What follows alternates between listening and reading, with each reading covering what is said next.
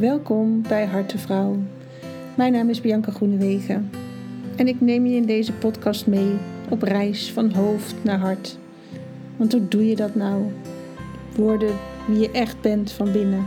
En hoe kom je daarachter? Hoe kun je weer thuiskomen bij jezelf? Super spannend. En dat is precies waarom ik deze podcast maak. Want ik geloof dat delen helpt om te helen. Je bent niet alleen. Ik vertel de echte verhalen, de successen die mensen geboekt hebben, maar ook de strijd onderweg. Want niemand is hier van de een op de andere dag gekomen. En ik hoop dat de gasten die ik interview jou inspireren om ook op zoek te gaan naar jouw sleutels. Zodat jij jouw reis maakt van hoofd naar hart. Die sprong van angst naar liefde. Ga je mee?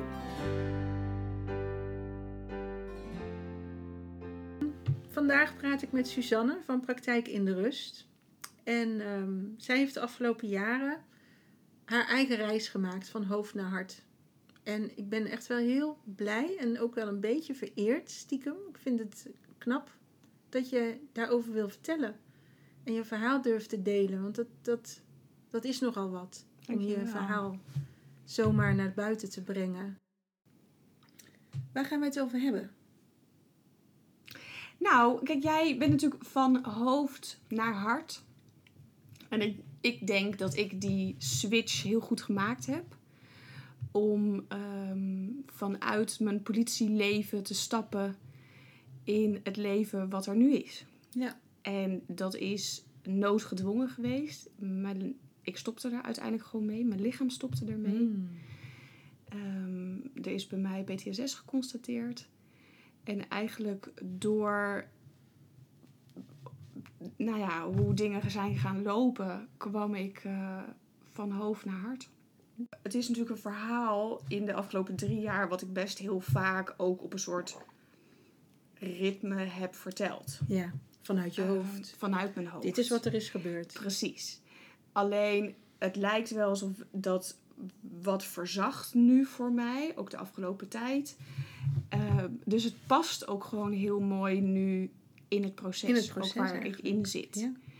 En, ehm, maar ik vind het ook spannend om inderdaad nu... Er zijn mensen die natuurlijk echt wel weten dat er bij mij PTSS geconstateerd is. Maar ik heb het ook altijd een beetje verkapt. Van ja, ik ben uitgevallen. Of eh, ik ben ook bang dat het mensen afschrikt. Ehm, maar aan de andere kant, er is nu echt vastgesteld dat ik dat heb. En er is ook vastgesteld dat dat komt door het werk wat ik heb gedaan. Dus er is ook voor mij niet echt meer een soort ontwijken. Ik Nee. hoef het niet meer te bedenken. Je hoeft het zelf ook niet meer toe te dekken. Nee. Ja. nee. Mooi. Dus het past ook gewoon meer in het proces om te Ja. vertellen, om er open over te zijn en om ook te laten zien dat het ook, nou ja, dat je vanuit ehm, eh, donkere kanten weer naar het licht kan. Ja, dat is wat er gebeurt. Hè? En er zei laatst ook iemand... één klein vlammetje kan een hele ruimte in het licht zetten. Ja. Dat, ja, dat is wel mooi. Ja. ja. En er is zeg maar, als je even gewoon naar het verhaal kijkt, ben ik, ik heb altijd heel lang, ik ben zedenregisseur bij de politie geweest. Op een gegeven moment heb ik het gevoel gehad, het gaat niet zo goed. Toen ben ik drie maanden, heb ik onbetaald verlof opgenomen, ben ik bij de intratuin gaan werken, heb ik alleen maar kerstbomen versierd. en dat is natuurlijk al. Een gek verhaal, Ja. een gekke sprong. Ja. Ik ben echt voor gek verklaard van, wat ga je als politievrouw doen bij de intratuin? Ik ben eh, kinderfeestjes gaan organiseren. Oh, fantastisch ook! Ja, dat is toch ook zo'n fantastisch verhaal? Ja, maar er moest, er moest iets leuks komen. Ja. Nou, wat is leuker dan kinderfeestjes? Ik vind niks leukers dan dat. Dus ging ik helemaal op los. Om maar niet te hoeven toegeven dat Ja. het gewoon niet zo best ging. Ja, dat was voor mij ook. Ja, dat is, ja, ik snap hem helemaal. Ja.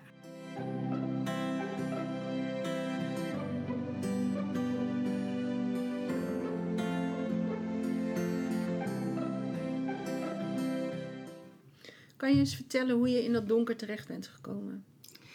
Ja, mijn ehm, eh, kinderdroom is eh, altijd om eh, bij de politie te gaan. Daar heb ik hard voor gewerkt om, eh, ja, om daar ook uiteindelijk te komen. En ik wist eigenlijk in de politieopleiding al van, eh, ja, ik wil zedenregisseur worden. We Mm. kregen de module huiselijk geweld en zeden eh, op de politieschool. Ja, op de een of andere manier intrigeerde me dat onderwerp. Ehm, we kregen natuurlijk casussen en verhoren te zien vanuit de praktijk. Ja, ik vond dat wonderlijk. Hmm. Hoe, hoe kan dit gebeuren tussen mensen? Dus ik wist eigenlijk van ja, ik ga die kant op. En na het behalen van mijn politiediploma was er al vrij snel eigenlijk een vacature op de afdeling zeden. Ik dacht, nou ja, ik ga dit gewoon proberen. Ja. Ehm, er heerste toen natuurlijk echt wel een beetje binnen de politie van je moet rechercheervaring hebben of al Ja. langer bij de politie werken. Maar ik dacht, nou ja, ik ga dit gewoon proberen. Ja. En ze namen je aan. Ja. Ja. Ja. Ik denk wel dat het een van de zwaardere secties is binnen de politie. Kan Ja. ik me voorstellen. Want je hebt niet vaak met iets leuks te maken. Eh, nee, het is geen feest. Nee. Nee, absoluut niet. Nee. Maar daar was ik me toen, gek genoeg, eigenlijk helemaal niet zo bewust van. In mijn idee eh, ging ik werken op een hele mooie eh, politieafdeling. Ehm, en heb ik eigenlijk helemaal niet stilgestaan bij Nee. de emotionele belasting. Nee. Nee. Zat je ook nog een beetje in de redderrol? Hmm, een goede vraag. Ik denk dat je dat toch überhaupt wel hebt als je bij de politie gaat werken. Dat je basis is dat je mensen wil redden. Er voor andere mensen wilt zijn. Ja, precies. Die, die helpende rol, die snap ik ook. Maar soms draaft dat dus door in... Het is aan mij om jou uit die situatie te halen. Dan- Oh, ik denk dat dat wel versterkt wordt Ja. op de afdeling. Ja. Ja, want juist omdat de afdeling is een hele eh, nou ja, selecte groep. Niet iedereen wil zedenregisseur worden. Nee. Kan het ook. Nee. Je moet er daarnaast nog een aparte opleiding voor gedaan hebben om het werk te doen. Dus zeg maar, de collega's op straat mogen niet de acties doen die wij als Nee. zedenregisseur mogen doen. Dus je bent een kleine groep. Ja. En wij van de zeden werden erbij geroepen als er eh, een zaak... Situatie ja, als er een ja. situatie was. Want het is heel precair, kan ik me voorstellen. Ja. Het, het is echt een nuanceverschil in wat de uitkomst gaat zijn. Zeker. Ja. Ja, zeker in de benadering. Manier van vragen stellen. Ehm, we zijn natuurlijk echt wel er heel erg op getraind om alle scenario's open te houden. Ehm, doorvragen. Ja. Dat kan ons best wel eens verweten worden dat we bijna in een verdachte verhoor zaten bij een aangeefster. Maar ja, de praktijk wees er ook wel op Ja. dat niet alle verhalen altijd even waar waren. Of Nee, dat er dus toch een wending in het verhaal zat ja, waar we gewoon rekening mee moesten houden. ja, precies. Want we hebben allemaal onze eigen waarheid natuurlijk. Ja. En jullie moeten dan wel de meest objectieve waarheid boven tafel Zeker. krijgen. Ja. Ja, oké. En het kon ook niet altijd was het een bewust vals verhaal, maar als je Nee, trauma. ook, ja, Ja, dat, dat willen we niet. Dus dan gaan we het anders maken, zodat het beter behapbaar wordt. Ja. Of, eh, maar het kon ook absoluut ingezet worden Ja. als middel. ja, snap ik. Ja. Ja. Want je, je vindt, hij heeft jou pijn gedaan. Oh, dan ga ik hem terugpakken. Ja. En dan ga ik eh, als slachtoffer Ja, stap ik erin. ja. Ja. Ja. of het kon ook echt als middel gebruikt worden bij echtscheidingssituaties. Ja. Dus dat er ehm, niet per se gelijk iets strafrechtelijks gebeurd was, maar dat het wel handig was om ook nog een aangifte van Precies. zeden erbij Ja. te hebben. Of als het gaat om kinderen in een echtscheidingssituatie. Heel uitgekiend eigenlijk. Ja, ja het Oké. kon zeker ook als middel gebruikt worden. Dus we moesten, daar werden we ook echt op getraind om wel die scenario's eh, allemaal open Ja. te houden en te onderzoeken. Ja, knap. Ja. En nu klink je nog heel licht. Dus, dus hoe ben je van deze uitdaging waar je... Klinkt wel alsof ook een deel van jouw hart daar lag in ieder Absoluut, ja, zeker. Hoe is het toch zo donker geworden? Nou, ik denk dat dat, ehm, eh, dat dat heel erg geleidelijk ook gegaan is. Ik heb ehm, elf jaar op de afdeling zeden gewerkt. Elf jaar. Ik heb een uitstap gemaakt nog van twee jaar naar het kinderpornoteam. Ehm, dan krijg je een nog selecter groepje. Want Ja. dat was echt maar, eh, ja, ik denk iets van 15 man voor de hele eenheid. Ja. Ehm, en toen weer terug naar Zeden. Ondertussen ook moeder geworden. Ehm, dus ik denk dat dat heel geleidelijk gegaan Hmm. is. Het is natuurlijk in die elf jaar alleen maar verdriet en ellende. Ja. Er is Ja. inderdaad niet dat je ergens bijgeroepen wordt Ja. waar een feestje is geweest. Nee. Dus op een gegeven moment verdwijnt je draagkracht ook een beetje. Ja, Ja, Maar je- wat ik zelf gemerkt heb, ik kan natuurlijk alleen maar voor mezelf spreken, is dat ik zelf ook een beetje verdween. Ja, Ehm, het wordt een rol. Ik was Suzanne de zedenregisseur. ja, En bij alles wat er in mijn privé ook gebeurde, was er een soort twijfel van, is dit inderdaad het verhaal? Klopt dit ook? Of Mhm. Is er een andere kant? Dus het onderzoeken van de scenario's wat ik in mijn werk deed, dat wantrouwende en het onderzoekende Ja. ging zeg maar door in mijn, ook in mijn privéleven. Ja. Omdat dat de wereld is die je elke dag ziet. Ja. Ja. Ja. ja. Dus normen die bij ons op de afdeling heel normaal waren, die nam ik mee naar mijn privé. Ja. Terwijl als je hier misschien nu negen mensen op een rij zet, dan zullen er acht van zeggen. Nou ja, ik heb geen idee waar je het over hebt. Ja. Terwijl wij dat op de afdeling heel normaal vonden. Ja. Omdat dat de Ja. wereld was waarin we leefden. Ja, precies. Dus ik denk dat, het- dat het heel geleidelijk is geweest. Veel verdriet en ellende van anderen. Ja. Waar ik zelf eigenlijk niks mee kon. Nee. ehm, dan alleen maar het strafrechtelijk op te Ja. pakken. Maar ik mocht mijn eigen emoties natuurlijk eigenlijk niet hebben. In ieder geval niet in die situatie. Nee, dat lijkt me daar ook best lastig. Hè? Je moet natuurlijk niet binding gaan. Ja, je moet wel binding maken met Ja, eh, de aangevers, maar je moet er niet bij betrokken raken. En dat Nee. is, poeh, als je dan dit soort verhalen hoort, kan ik me voorstellen dat dat een scheidslijn is die je niet altijd vol kan houden. Maar ik kan me ook voorstellen, want je zegt, eh, in die tijd ben ik ook moeder geworden. Nou, dan gebeurt er ook wel wat met je. Tenminste, mijn ervaring. Daarvoor ging het allemaal prima, dacht ik met mij. toen ik moeder werd, toen kwam er zo'n bak aan emoties los. Dat had ik helemaal niet kunnen bedenken dat dat ooit zou gebeuren. Nou, gek genoeg denk ik dat ehm, ik er al zo op getraind was om die emoties eigenlijk niet te voelen en niet toe te laten. Mm.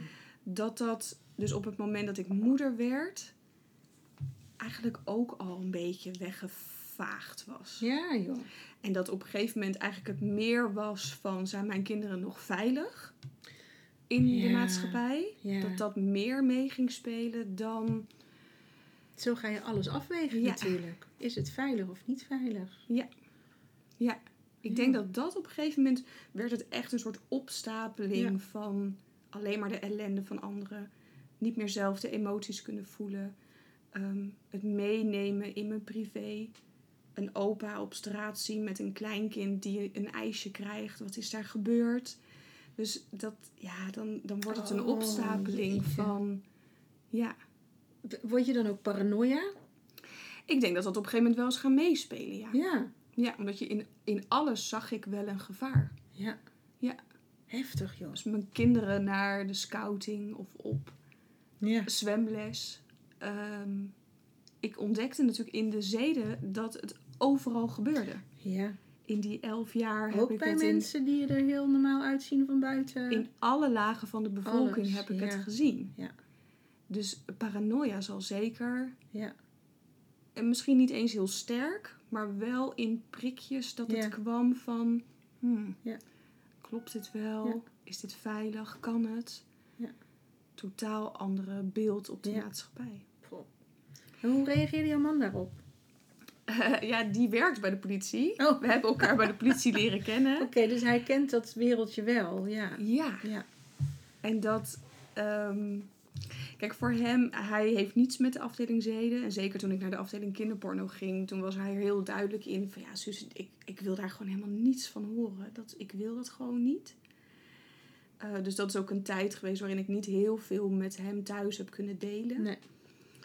Ehm, maar hij kent natuurlijk dan de wereld. Dus Ja. hij kent ook het verdriet en de ellende van Ja. andere mensen. Ja. En hoe je daarmee om moet gaan. Precies. Hoe je coping in moet zetten. Ja. En de regels die op de afdeling gelden, die zijn dan op zijn afdeling anders. Maar wel het wereldje van de politie Precies. is, zijn, is hem eigen. Ja, Hmm. ja.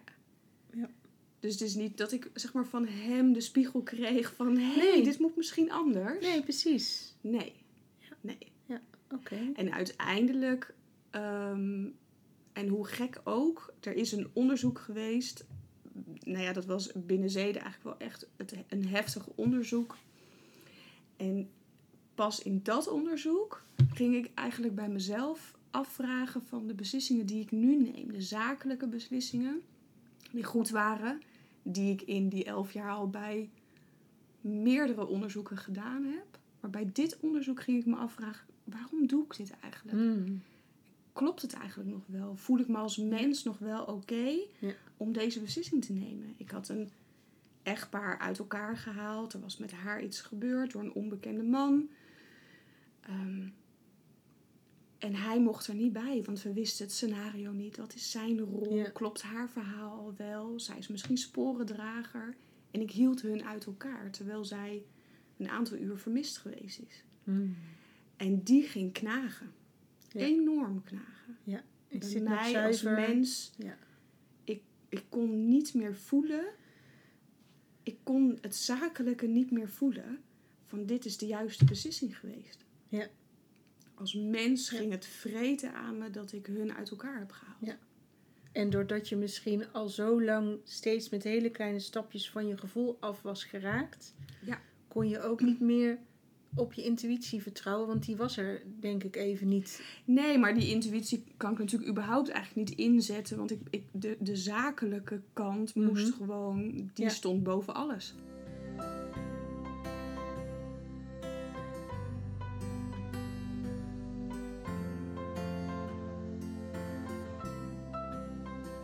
Maar ik kan me voorstellen, als je zo steeds een klein beetje verder van jezelf afdrijft, Ja. dat je dus niet meer kan vertrouwen op wat je wel waarneemt. Ja.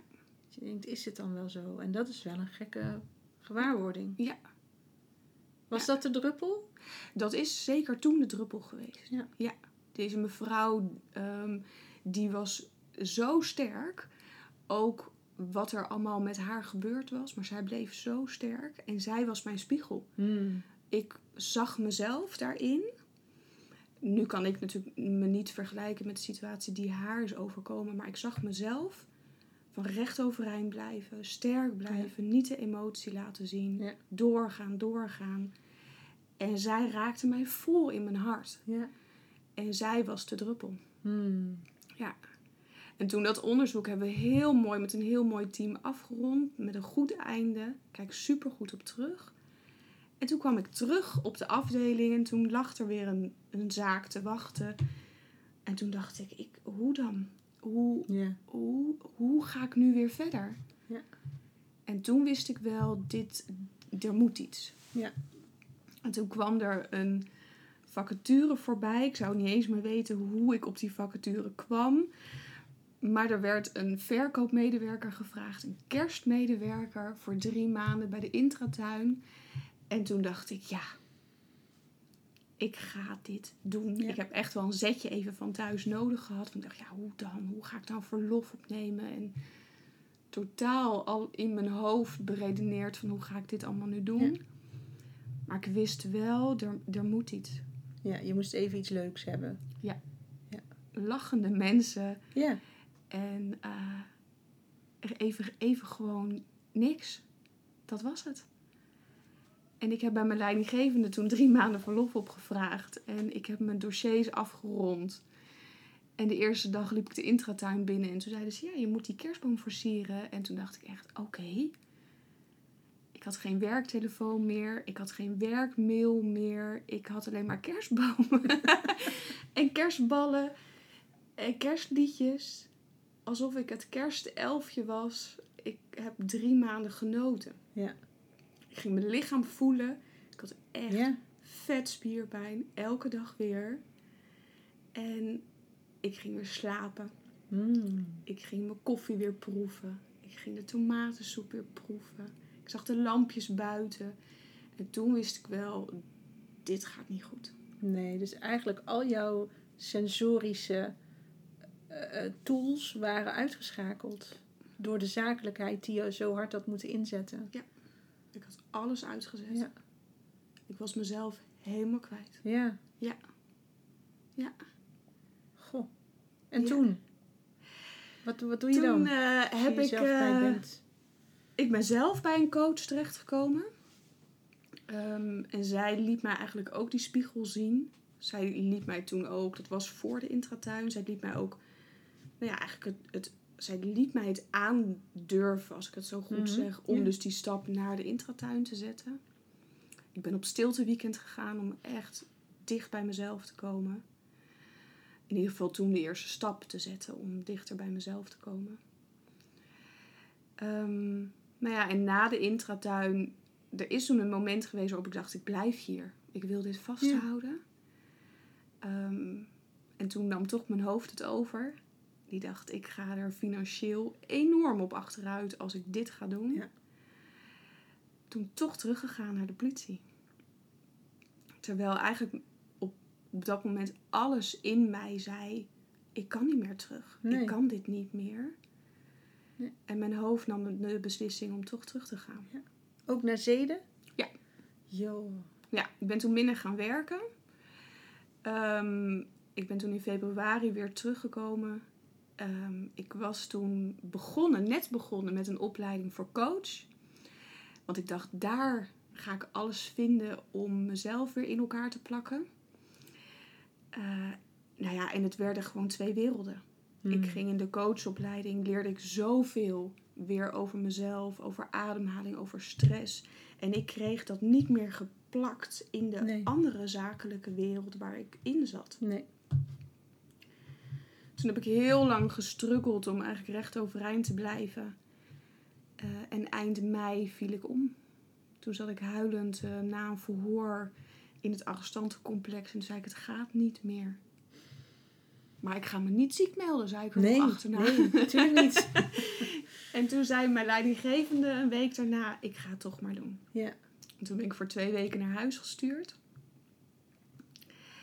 En twee weken werd eh, eigenlijk uiteindelijk heel lang. Ja. Ja, en toen kwam ik bij de psycholoog van de politie terecht. Ja, en die hoorde mijn verhaal, die hoorde mijn klachten. En die zei, ja, ik ga je toch doorsturen omdat er verdenking is voor eh, PTSS. Ja. Ja. Vanuit je werksituatie. Ja. Tja, En Dat, zo, ehm, dat is wel een vonnis. Eh, ja, toen nog niet. Die kwam pas later echt. Je gaat dan eigenlijk eerst ben ik het traject ingegaan dat ik eh, bij een GZ-psycholoog uitkom. Want de psycholoog van de politie mag die diagnose niet geven. Nee. Ehm, nou ja, daar is even wat tijd overheen gegaan. Maar eigenlijk was al heel snel van... ehm, we gaan eh, traumabehandeling starten. Ja, en dat ging heel snel. Mhm. Want eigenlijk werd er al wel vanuit die GZ-psycholoog gezegd... Ja, jij bent al zover. Jij moet dringend hulp hebben. Ja. Dus dat werd heel snel in gang gezet. En hoe was dat voor jou? Want jij was nog een beetje in de ontkenningsfase. Van ik ga me niet ziek melden. Ja, het is te veel, maar eh, ik chef het nog wel of zo. Ja, nee, ja, een beetje ontkenning. Ik zat nog vol in de ontkenning. vol. Oké, oké. Ja. Ja. Ik wist echt wel, het gaat niet goed. Nee. Dat, dat was overduidelijk. Dat voelde ik ook aan alle kanten. En nu hoort het natuurlijk ook heel erg bij het ziektebeeld van PTSS om te ontkennen, om te vermijden. Ja. Ehm, en dat was volop aan de gang. Ik heb echt gedacht, als ik nu maar stop bij de afdeling zeden, dan komt het Dan wel weer goed het met mij. Ja. Maar dit zat natuurlijk veel dieper. Veel dieper. Maar dat was op dat moment was ik daar helemaal nog niet aan toe om daar aan toe te geven. Nee. En wat ik vooral heel gek vond, is dat ik ineens bij een psycholoog zat. En dat ik traumabehandeling kreeg. Ja. Wat ik honderden keren aan aangevers heb uitgelegd hoe dat eruit Ja. gaat zien en wat het hun gaat, op, gaat opleveren. Ja. Daar zat ik nu ineens aan de andere kant van de tafel. Rekening houdend met de psycholoog over de zaken waar ik over ging vertellen. Rekening houdend met de psycholoog. Ja, W- Hoe bedoel je dat? nou ja, er werden natuurlijk. ehm, eh, er zijn incidenten behandeld in de EMDR, in de traumabehandeling. Dat zijn natuurlijk gewoon werkzaken, onderzoeken Ja. die ik gedaan heb. Ehm, wat natuurlijk niet de meest leuke onderzoeken geweest zijn. Dus waar het over details ging, Ja. verhalen die verteld werden. En ik dacht, ja, ik kan haar dat helemaal niet vertellen. Want ik moet, ik, dat, dat is helemaal niet leuk om te horen. Want dat kan Dus ze ik- niet aan. Ja, Oh, dus je was nog steeds aan het redden. ja, Oké.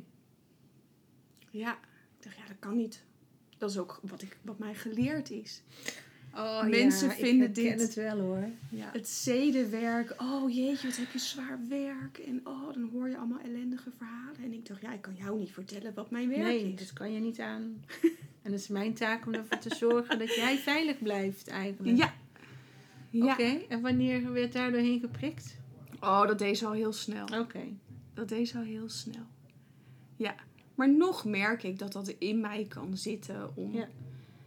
Ja, te denken, ja, ik vertel jou maar niet alles over dat onderzoek. Nee. Het is gewoon heel heftig. Ja. Die details wil je niet horen. En dat Nee. is ook wat natuurlijk heel erg bevestigd wordt. Als je nu kijkt in de media rondom alles van The Voice. Ja. Ehm, ja, mensen die natuurlijk echt gechoqueerd raken van de details die ze horen. Ja. Ja, dan ga ik dat liever uit de weg. Ik hoef jou dat ook niet. Ja. Ik wil jou ook niet choqueren. Ja. Dus uiteindelijk heb ik die stap natuurlijk... Ik heb wel moeten vertellen daar. Dat wist ik op een gegeven moment zelf Ja, ook dat is wel. de enige wordt weg. het beter. Nee, precies. Het is de enige weg er doorheen. Ja. Ja. Maar dat kan nog steeds een valkuil zijn. Om inderdaad te zorgen daarin voor de ander.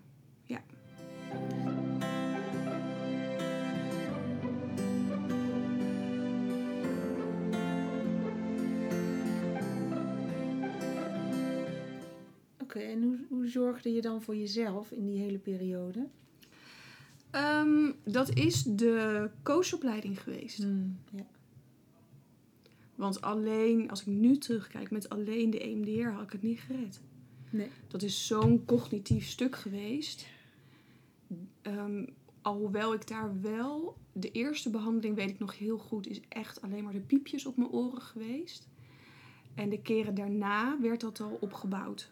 Ik kreeg al de eh, trillingen in mijn handen. Dus een apparaatje wat Mhm. wisselend eh, trilde. En ik kreeg... ehm, ik had eerst het lampje. En het lampje kwam... De piepjes kwamen daar toen bij. En de trillingen kwamen daarbij.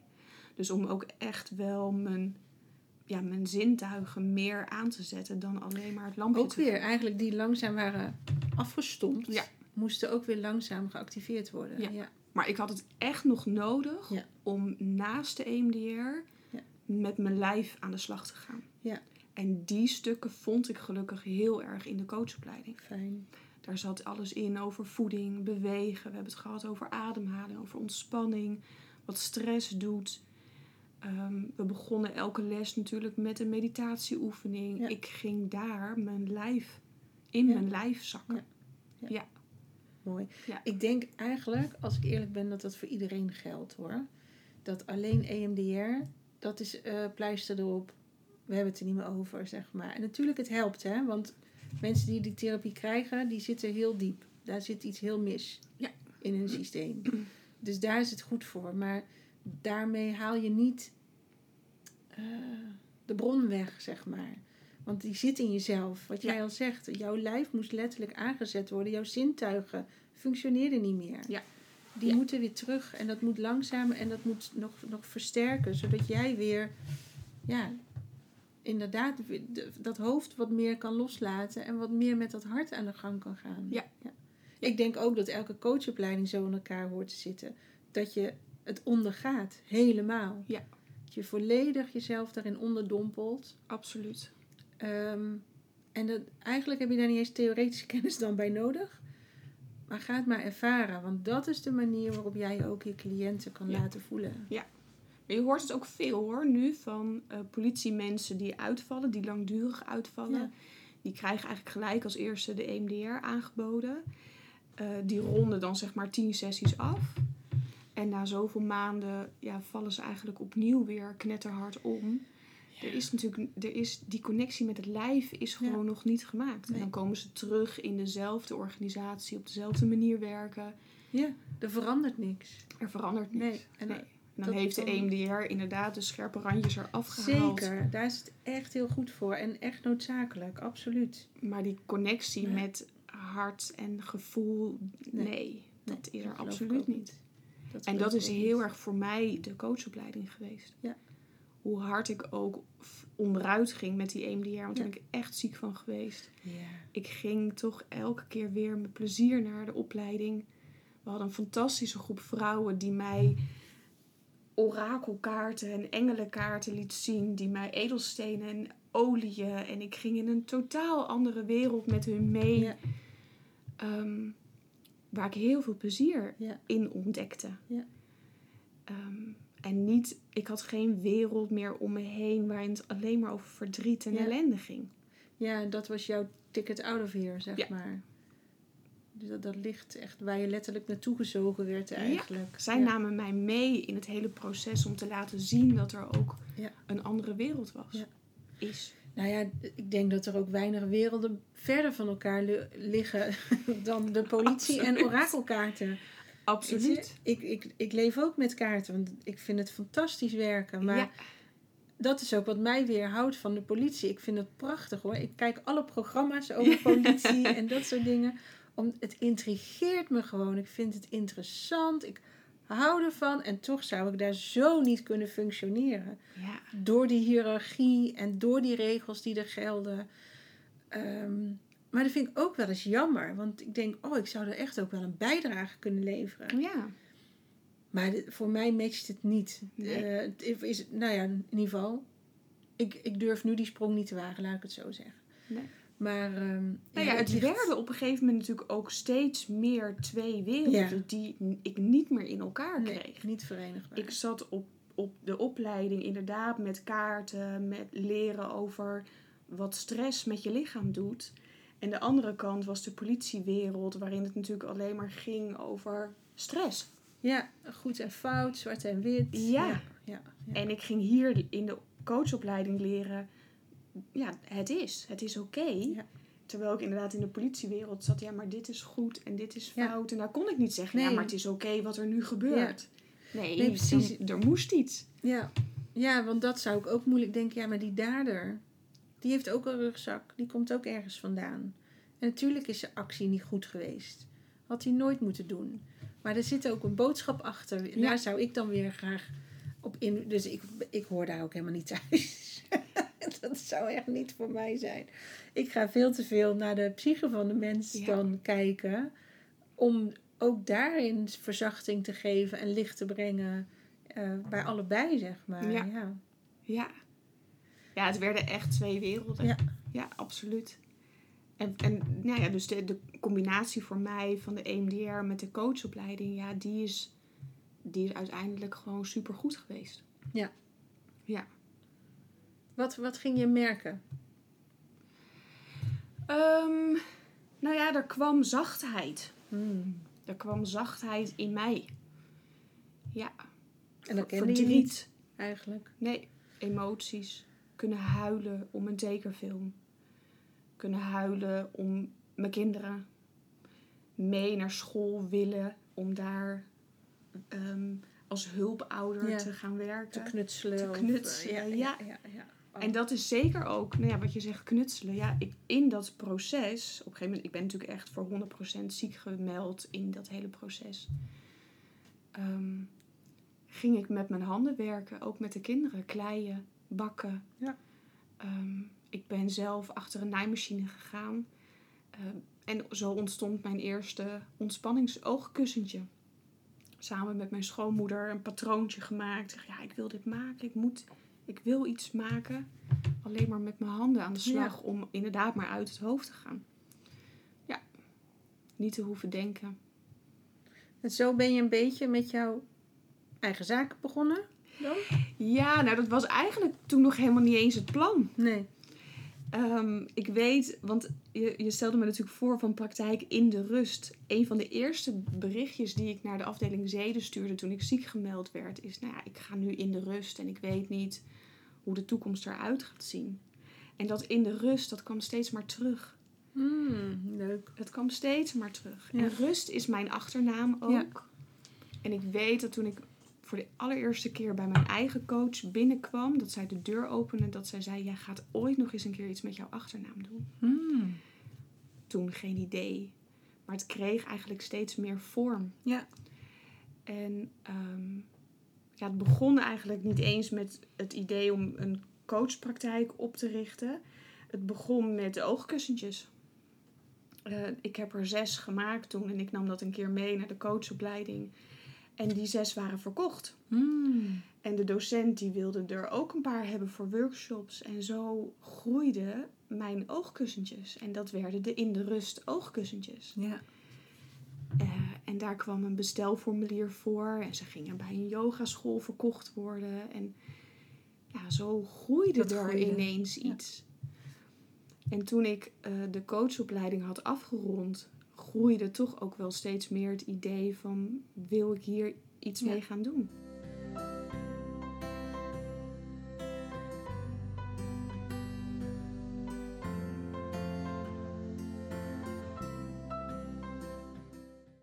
Was je toen al weg bij de politie?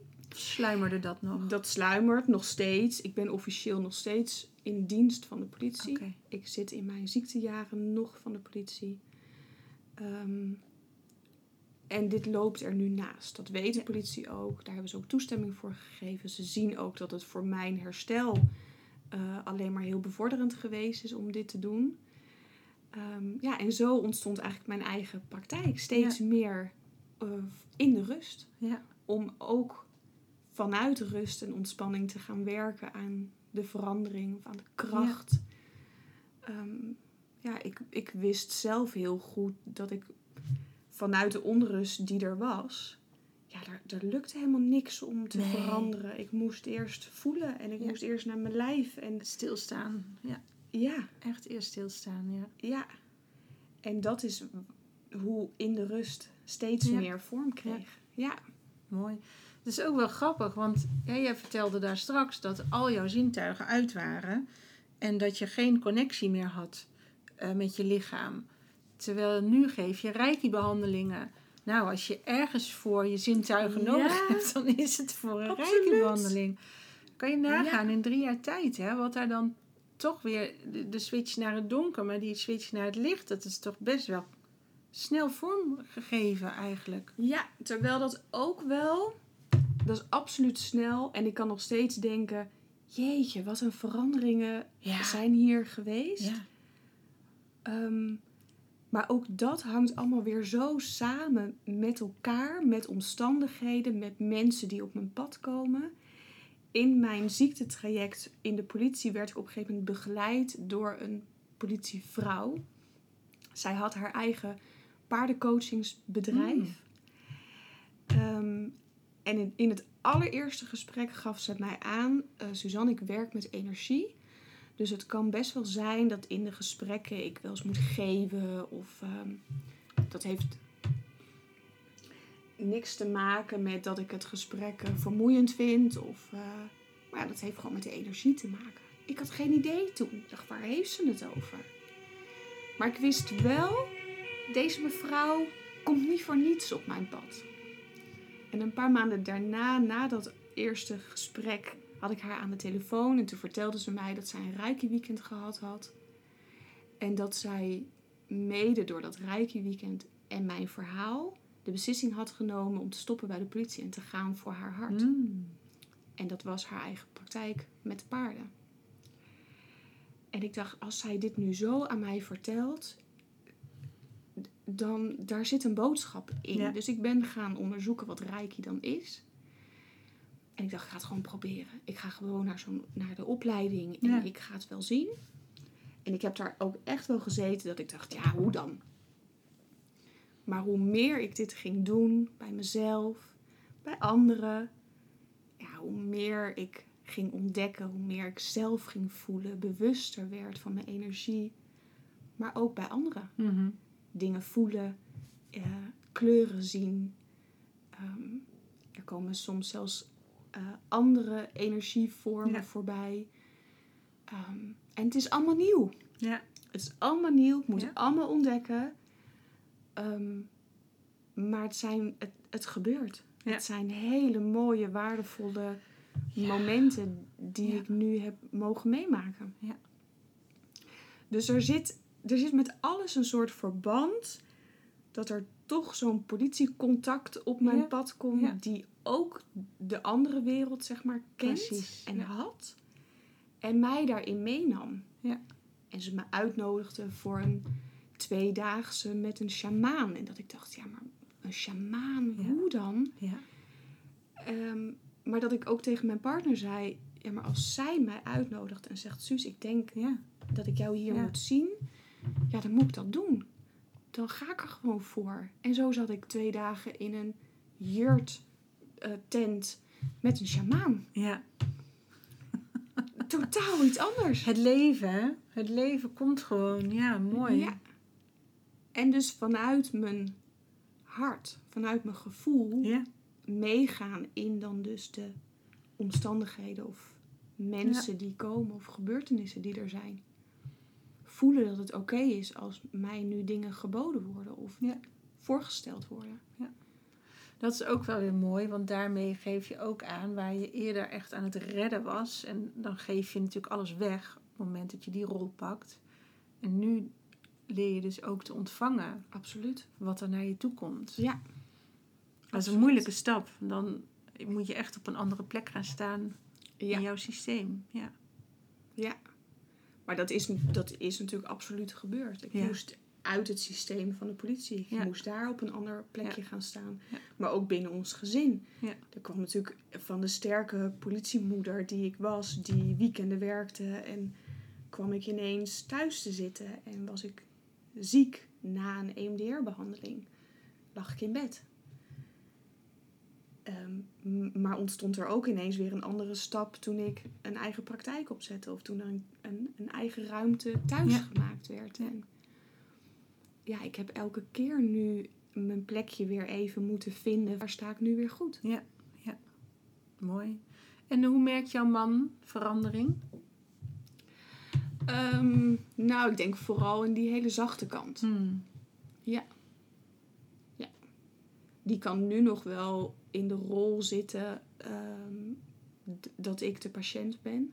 Ja. Voor me moeten zorgen. ja, dat snap ik wel.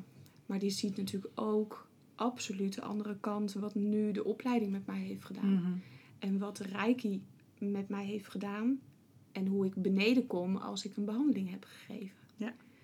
En die ziet een ontspanning bij mij. En die Ja. gelukkig staat hij ontzettend open voor die hele verandering die we nu als gezin ook hebben doorgemaakt. Want er liggen nu overal edelstenen en kaarten en eh, olietjes en wierookjes. En Ja. ja. ja, en hij gaat daarin mee. Ja. Ja. Mooi. En was dat ook wel meer de Suzanne die hij leerde kennen? Zeg maar, ben je verhard tijdens je werk? Dus daarvoor was die zachtheid er wel ook. Oeh. Of is die nieuw? Nee, die is nieuw. Oké.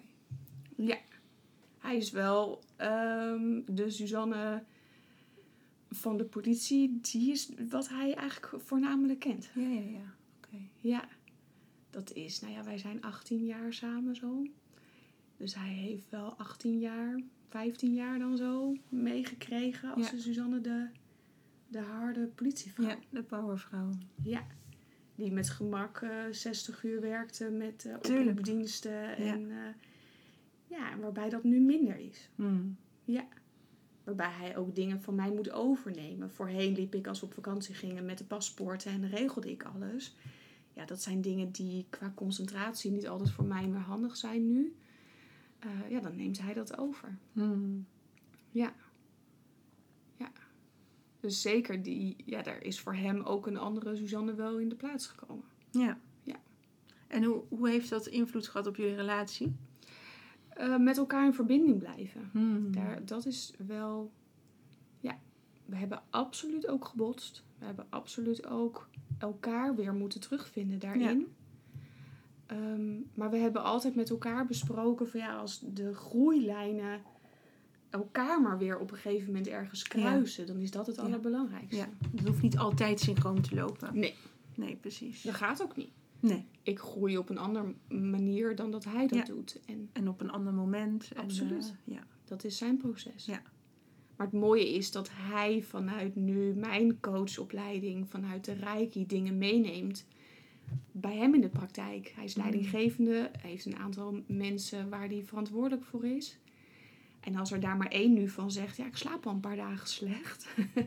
ja, dan is hij scherp en verwijst hij ze of door. Of hij neemt toch even de ruimte Ja. om even door te vragen van wat is er dan nu precies aan de hand. Ja.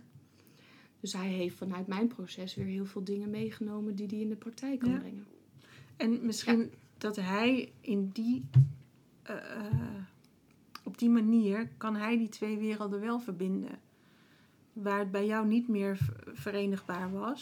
absoluut. Of is, denk ik. Omdat, ja, ik denk ook, je gaat helemaal aan hierop. Want je voelt letterlijk je hele lijf met wat je nu aan het doen bent. Hè? Het coachen, de reiki, maar ook met de kaarten, de edelstenen bezig zijn. Dat is nu gewoon helemaal jouw, Ja. jouw zijn Ja. geworden. En voor hem is dat stuk misschien net te hoog gegrepen. Eh, maar kan hij heel goed elementen daarvan integreren in die andere wereld. En dat is ook wel heel erg prachtig natuurlijk. Absoluut. Ja. Want dan verzacht het daar ook. Want hij kan regelmatig thuiskomen dat hij zegt... Ja, je zat nog wel even op mijn schouder hoor in een gesprek. Om nou ja, ook niet gelijk in een oordeel te gaan of Ja. in een aanname. Ja. Maar om ook gewoon even te vragen of door te vragen. Of ook te denken, nou ja, goed, het is zoals dat het Ja. is. Ehm, het, het loopt zoals dat het dan moet lopen. In plaats van gelijk bam met gestrekt been erin. Wat Ja. we voorheen, zeg maar, allebei konden doen. Ehm, ja, daar, daar gaat hij nu anders mee om. Ja.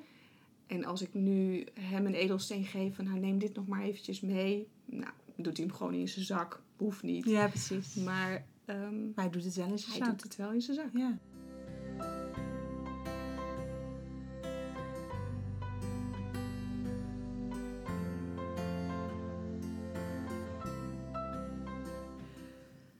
Ik wilde vragen, ben je er nu? Maar ik denk dat het antwoord nee is. Want wie is er ooit, zeg maar? Nee. Maar meer van, heb je wel het gevoel dat je nu weer echt in je kracht staat, jezelf daar neerzet, waarin je richting toekomst kan? Of, Ja. of zit je nog wel op de rem? Nee, nee, absoluut niet. Eh, als ik nu terugkijk naar de jaren, zijn er zeker ehm, momenten geweest waarop die rem er absoluut nog was. Ehm, ik het dan ook ehm, klein kon houden, mijn eigen praktijk, praktijkje was het dan ook. Van ja, ik ben maar net begonnen. En nu durf ik steeds meer te zeggen, nee, ik heb mijn eigen praktijk.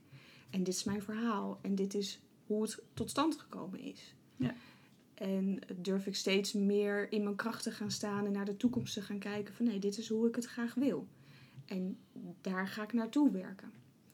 En me niet meer eh, ja, dan klein laten maken als er vanuit de politie bijvoorbeeld weer iets gebeurde. Dat kost me absoluut nog energie hoor. Want Ja. ik ben nu nog verbonden aan de politie. Ehm, en dat kost me energie. Maar ik merk ook dat ik nu sneller daarvan herstel en kan benoemen wat er aan de hand is, wat ik voel en wat ik ook daaraan kan doen dan. En wordt dat de volgende stap voor je om los te komen van de politie? Ja. Ja. Ja. Ja. Mooi. Er is ook nu echt een medische beslissing dat ik ook niet meer terug kan. Dat Ja. het medisch voor mij niet meer eh, gezond is om terug Ja. te gaan de organisatie in. Ehm, dus we gaan nu inderdaad werken naar, eh, naar een afscheid van elkaar. Ja. Ja. ja. En dat zijn al in kleine stapjes is dat al gebeurd. Mijn uniform al ingeleverd. En eh, ja, dat zijn van die stapjes in het hele proces dan. Maar dat is uiteindelijk wel waar we nu met elkaar naartoe aan het werken zijn om afscheid Mooi. te nemen. Ja. Fijn wel dat je ook de bedding krijgt vanuit je werkgever om hier dus op een rustige manier ruimte voor te maken. Ehm, nou ja, ik, eerlijk denk ik dat de werkgever nog heel veel kan leren. Ja, oké. ehm, Oké. PTSS eh, of langdurig ziek nog ehm, heel moeilijk is binnen de politie. Ehm, dat er ook binnen de politie nog heel erg lang gedacht is om met mij te kunnen communiceren als Suzanne de sterke zedenregisseur. Ja. Dat kon niet. Nee, En dan gaan natuurlijk de verhoudingen en de communicatie gaat dan ook stroef. gaat scheef, ja. Ehm, dus er is nog veel onbekend Hmm. binnen de politie. En het is ook niet vaak gebeurd dat eh, politiemensen zeggen: ik, ik kan eigenlijk niet meer terug de organisatie in. Er zit toch een bepaalde verbinding aan de organisatie dat je eigenlijk ook wel weer heel snel ergens op een andere afdeling Ja. terecht kan. En voor mij, dat, dat ging niet meer. Dat Nee. wilde ik niet meer. Het kon ook niet meer. Mijn lijf gaf van alles aan. Ik, dit, dit moet stoppen. En dat is ook voor de politie nog een redelijk onbekend terrein. Hmm. Om dan buiten de politieorganisatie te gaan kijken, wat is er? Ja, naar de persoon in plaats van naar de medewerker. Absoluut. Ja. Ja. ja. Ja, maar ook om dan de stap te maken naar de maatschappij. Van wat is er dan? Ja. We kennen het allemaal heel goed binnen de organisatie. Maar Ja. hoe moet het dan om de medewerker naar buiten toe te begeleiden? Ehm, dus er- ja, het is een... De, de, de traject met de politie is eh, niet altijd even soepel gegaan. Eh, er is daar absoluut nog heel veel te doen. Ja. Is dat ook waarom je nu wel je- met je verhaal naar buiten komt? Nee. Nee. Nee, dat is echt voor mezelf nu. Oké. Ehm, ik heb niet het idee dat ik nu alleen met mijn verhaal de organisatie daarin kan veranderen. Daar moet wel meer in gebeuren. Ja, denk ik ook. Maar ik kan me voorstellen dat bedrijven, want er zullen er meer zijn buiten de politie ook, die hier ook geen ervaring mee hebben of, of niet voor openstaan. Of, het kan wel helpen om dan de andere kant een keer goed te horen. Want dat maakt het ook vaak zo kwetsbaar voor iemand die is uitgevallen. Het vindt niet heel vaak dat gesprek plaats. Nee. Wat misschien eigenlijk wel juist plaats zou moeten vinden. Ja. Uh, maar dat is heel kwetsbaar voor die medewerker. Nou ja, voor jou ook. Hè? Dat is heel kwetsbaar om dit uit te spreken. En zeker als je dan een politie of een andere leidinggevende daar hebt zitten die denkt: eh, hoezo? Ja. Kom gewoon, nou dan ga je eventjes daar op de administratie zitten. Ja. Hè? Dan ga je even wat anders doen. Dat, dat is het niet. Nee. nee. Dat, en ik heb niet eens PTSS, maar ik weet, denk ik, ga ik vanuit in ieder geval. Uh, ik moest terugkeren naar mijn, uh, uh, naar mijn werk, naar mijn uh, burn-out. Nou, echt jongen, mm. het was verschrikkelijk. Alleen als ik daar in mijn vrije tijd langs fietste, was niet te doen. Ja. Dus, en dan wilden ze dat ik elke week koffie kwam drinken. Nou, ja. wat vraag je aan me? Dat gaat niet. Ik kan niet koffie komen drinken. Nee. Ik kan niet eens naar binnen, ik wil er niet eens langs. Nee. Het is zo intens. En dan heb jij daar het, het, het duizendste kwadraat van uh, beleefd. Dus ja. Ja. Nou ja, tuurlijk, als het mijn verhaal eraan kan bijdragen, al is het maar iets, al is het Ja. ook maar voor andere politiemensen om het verhaal te horen en te denken: hé, hey, wacht even. Ja. Ehm, er is misschien met mij ook wel wat uh, meer dan alleen maar ik voel me niet zo lekker. Of, uh, ja, precies. Absoluut. Maar het is zeker ook nu. In het begin heb ik het allemaal een beetje toegedekt. En dacht ik, Ja. ja, ik ben uitgevallen. Was een emotioneel zware baan. Ja. Ehm, zit er misschien toch nog wel dat stukje ontkenning in.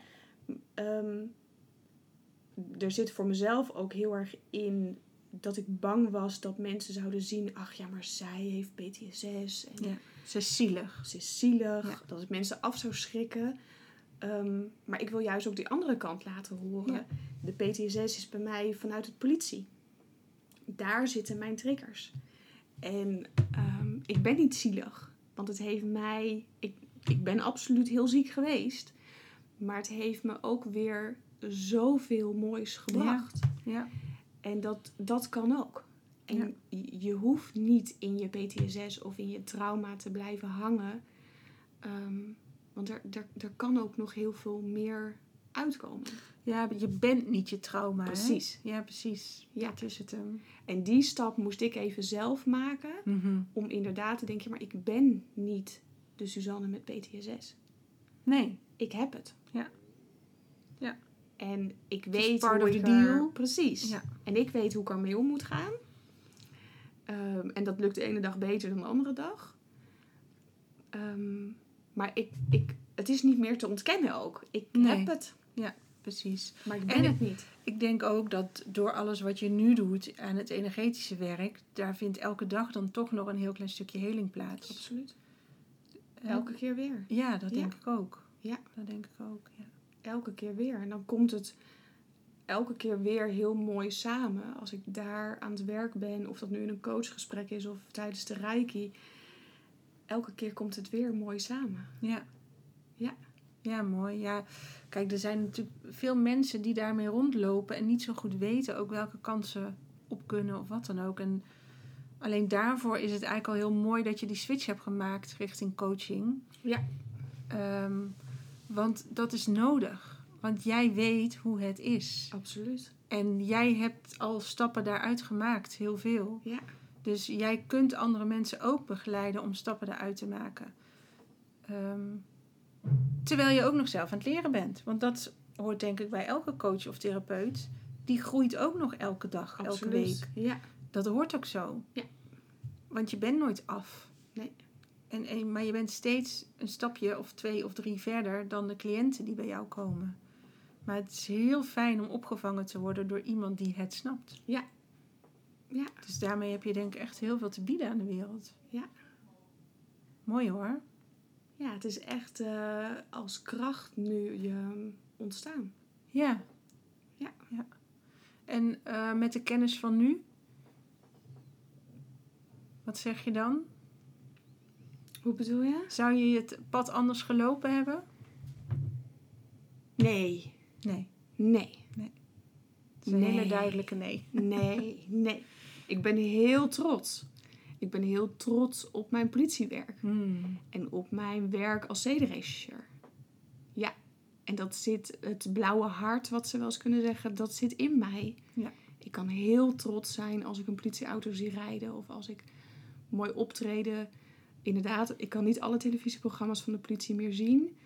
Maar wat ik ervan kan zien, ben ik heel trots. Ja. Als ik inderdaad in de media hoor over weer The Voice, dan denk ik, oh jeetje, dat komt inderdaad allemaal weer op de schouders van de zedenregisseurs. Met alles wat er al ligt. Ja. En ik, ik ben heel trots op mijn werk. En eh, met alles wat ik daar heb meegemaakt. Ja. En ik ben heel trots op het pad wat er nu ligt. Ja, met een dikke bocht is het pad gekomen. Ehm, maar ik had absoluut niet iets anders willen doen. Nee. Nee, helemaal niet. Mooi. Nee. Heel mooi. Heb je nog plannen voor de toekomst? Ja, ik wil heel graag de Reiki verder uitbreiden. Ik ben eh, bezig met een eh, online cursus eh, ehm, voor rust en ontspanning vanuit huis. Er staan wat leuke markten gepland met alle in de rust producten die er inmiddels zijn.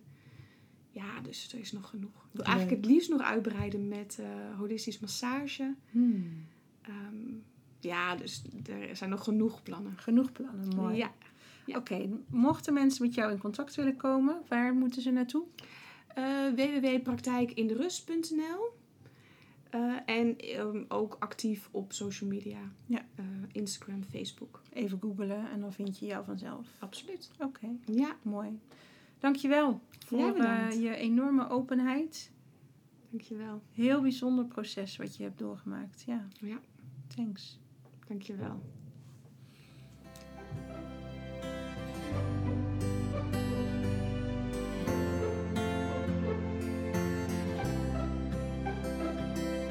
Dat was Hartevrouw voor deze week. Fijn dat je erbij was. Abonneer je op deze podcast, dan mis je geen enkele aflevering meer. Je kunt me ook volgen op Facebook of Instagram.